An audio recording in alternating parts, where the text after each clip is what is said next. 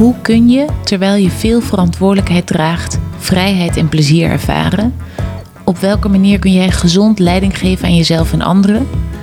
Hoe kun je jezelf vrij spelen van blokkades uit het verleden? In deze serie ga ik in gesprek met experts over bepalende factoren voor het leiden van een lichter leven. Van filosoof tot topsporter en van directeur tot kunstenaar, allerlei perspectieven komen aan bod. Zodat jij volop inspiratie op kunt doen voor jouw leven.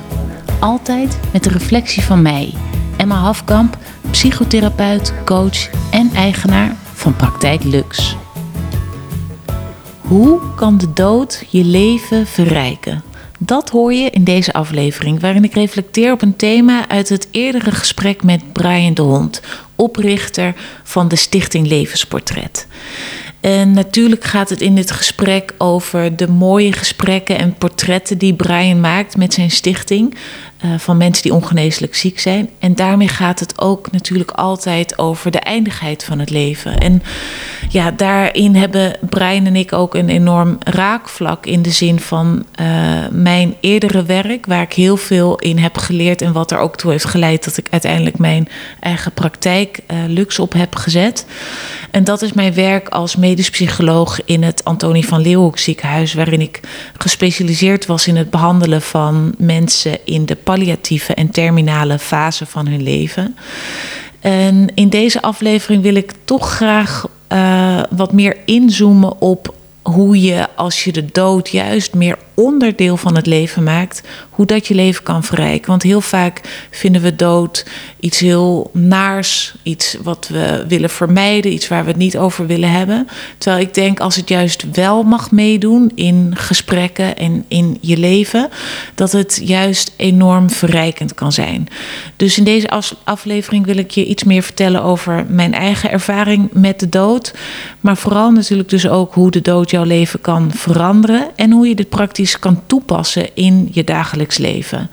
Maar allereerst dus mijn eigen ervaring met de dood. Want wat interessant is, is dat ik eigenlijk vanaf jonge leeftijd juist erg bang ben geweest voor de dood. En zelf denk ik dat dit uh, gerelateerd is aan een vroege ervaring van mijzelf van een vriendinnetje dat op heel jonge leeftijd heel plotseling overleed.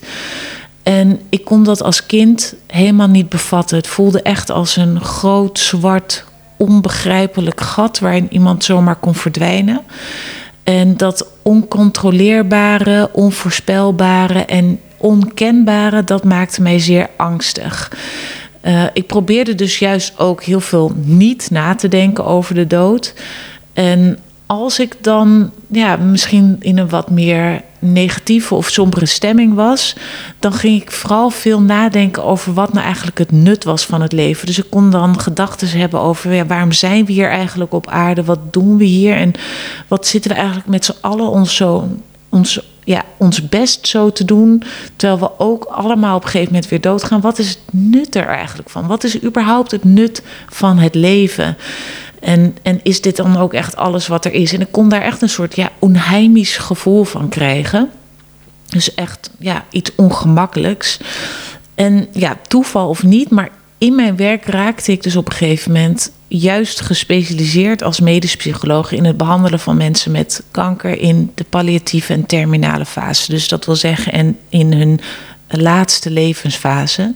Ik heb veel mensen uh, begeleid in, in hun stervensproces van nou ja, veraf en zeker ook wel van dichterbij. En natuurlijk was er veel verdriet en angst en trauma. Want nou ja, daarom werd ik juist ook bij deze mensen geroepen als medisch psycholoog. Maar wat ik zag en wat ik ook in het gesprek met Brian even kort benoem, is dat juist als deze emoties wat tot bedaren kwamen, dat er ook heel veel mooie dingen gebeurden. Dus mensen die uh, beter of zelfs misschien wel voor het eerst gingen voelen wat ze echt belangrijk vonden in hun leven. En relaties en vriendschappen die hechter en diepgaande werden. Er was heel veel dankbaarheid voor het leven en dus ook veel licht en lichtheid. Dus juist door de aanwezigheid van de naderende dood werd het leven rijker of dieper of breder en, en ook mooier. Dus ja, ik, ik heb dat voor mezelf ook echt kunnen vertalen naar een rijker leven als de dood juist nog niet zo nabij is. Want ik voelde op een gegeven moment dat het bij mijzelf wat begon te wringen. Dat ik deze gesprekken dus heel mooi vond. Maar dat ik het ook zonde vond dat ik deze gesprekken vooral, of eigenlijk op dat moment alleen had met mensen die nog maar een paar weken of een paar maanden te leven hadden. Terwijl ik dacht, dit is ook zo waardevol en belangrijk voor mensen die juist nog langer te leven hebben. En dat, dat ik ja, mijn eigen leven veranderde door dit bewustzijn. Maar ik wilde dat ook juist heel graag gunnen aan andere mensen die daar nog meer of niet per se meer, maar vooral langer van konden profiteren. En zeker ook mensen die dat zelf dan ook weer vanuit hun positie of vanuit hun invloed op groepen op andere mensen konden overbrengen. Dus op de manier waarop ik deze ervaring heb vertaald naar mijn dagelijks leven is. Um, dat ik bepaalde keuzes heb gemaakt door juist afscheid te nemen van mijn baan in loondienst in het Antonie van Leeuwenhoek ziekenhuis en mijn eigen praktijk op te starten. Um, ik, ik ben keuzes gaan maken. Oh, mijn serie gaat aan. Die vindt het ook heel belangrijk om, uh, om uh, intens te leven en heel erg in het hier en nu aanwezig te zijn. Um, maar om terug te komen op wat het voor mij betekent, dat keuzes worden belangrijker, prioriteiten stellen worden belangrijker. Het gaat dus om heel erg bewust leven, maar zonder uh, de valken in te trappen dat het gaat over levenshaast. Want dat kan ook komen hè? als je denkt van ook oh, moet elke dag leven alsof het mijn laatste is. Ik moet het leven intens leven. Kan het ook juist een bepaalde onrust veroorzaken. Dus dat zie ik juist weer als bijna het andere kant van het spectrum. Uh, dus het gaat over ja, ook juist het vinden van een bepaalde balans. Van hoe leef ik heel bewust. Maar kan ik ook gewoon rust vinden in dat niet alles vandaag hoeft. Want je weet nooit of er een morgen is. Um, voor mezelf heb ik dat dus vertaald in dat ik nu soortgelijke gesprekken heb met mensen, maar die nu niet meer in de setting van een ziekenhuis plaatsvinden en ook niet meer met de patiëntengroep, maar met leiders van nu en leiders van de toekomst, zodat zij, net als ik, heel bewust kunnen gaan leven zonder dat de dood, voor zover we in ieder geval weten, heel nabij aanwezig is.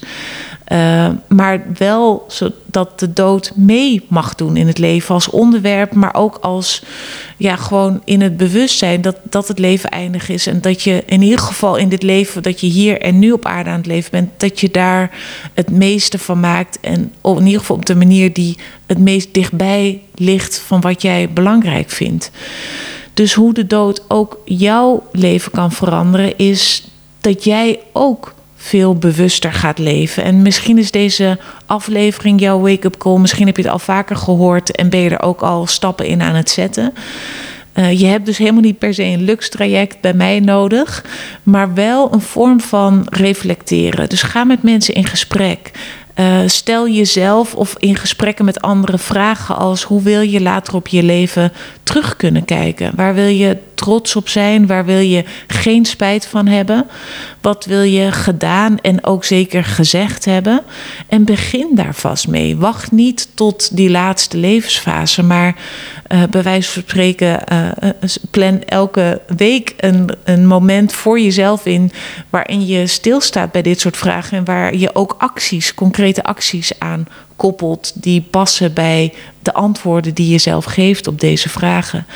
Want het is een cliché, maar clichés zijn er, wat Brian ook zei in het gesprek, omdat ze waar zijn. De meeste mensen hebben spijt van de dingen die ze niet hebben gedaan en veel minder van de dingen die ze wel hebben gedaan. Dus als je dat nou een oogschouw neemt, wat betekent dat concreet voor jou? Dus hoe kun je dit praktisch toepassen in jouw dagelijks leven? Gaat echt over het plannen van, nou ja, bijvoorbeeld misschien wel eerst maandelijkse evaluatiemomenten om te beoordelen of jouw dagelijks leven nog in lijn is met de levenswaarden die voor jou belangrijk zijn.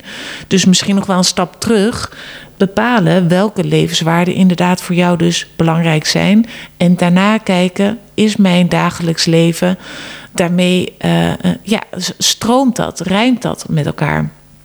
En levenswaarden of kernwaarden die voor jou belangrijk zijn, die zijn ook aan verandering onderhevig. Dus wat vandaag voor jou belangrijk is, is volgend jaar of in een nieuwe levensfase misschien wel weer anders. Dus blijf ook herhaaldelijk die evaluatie en reflectiemomenten inplannen, zodat je ook op tijd kan bijsturen. Laat ook vooral los waar je geen controle over hebt. Uh, en kies juist heel bewust op de gebieden waar je wel richting kunt geven. Dus we weten niet wanneer ons leven uiteindelijk zal eindigen. Dus laat dat ook vooral los.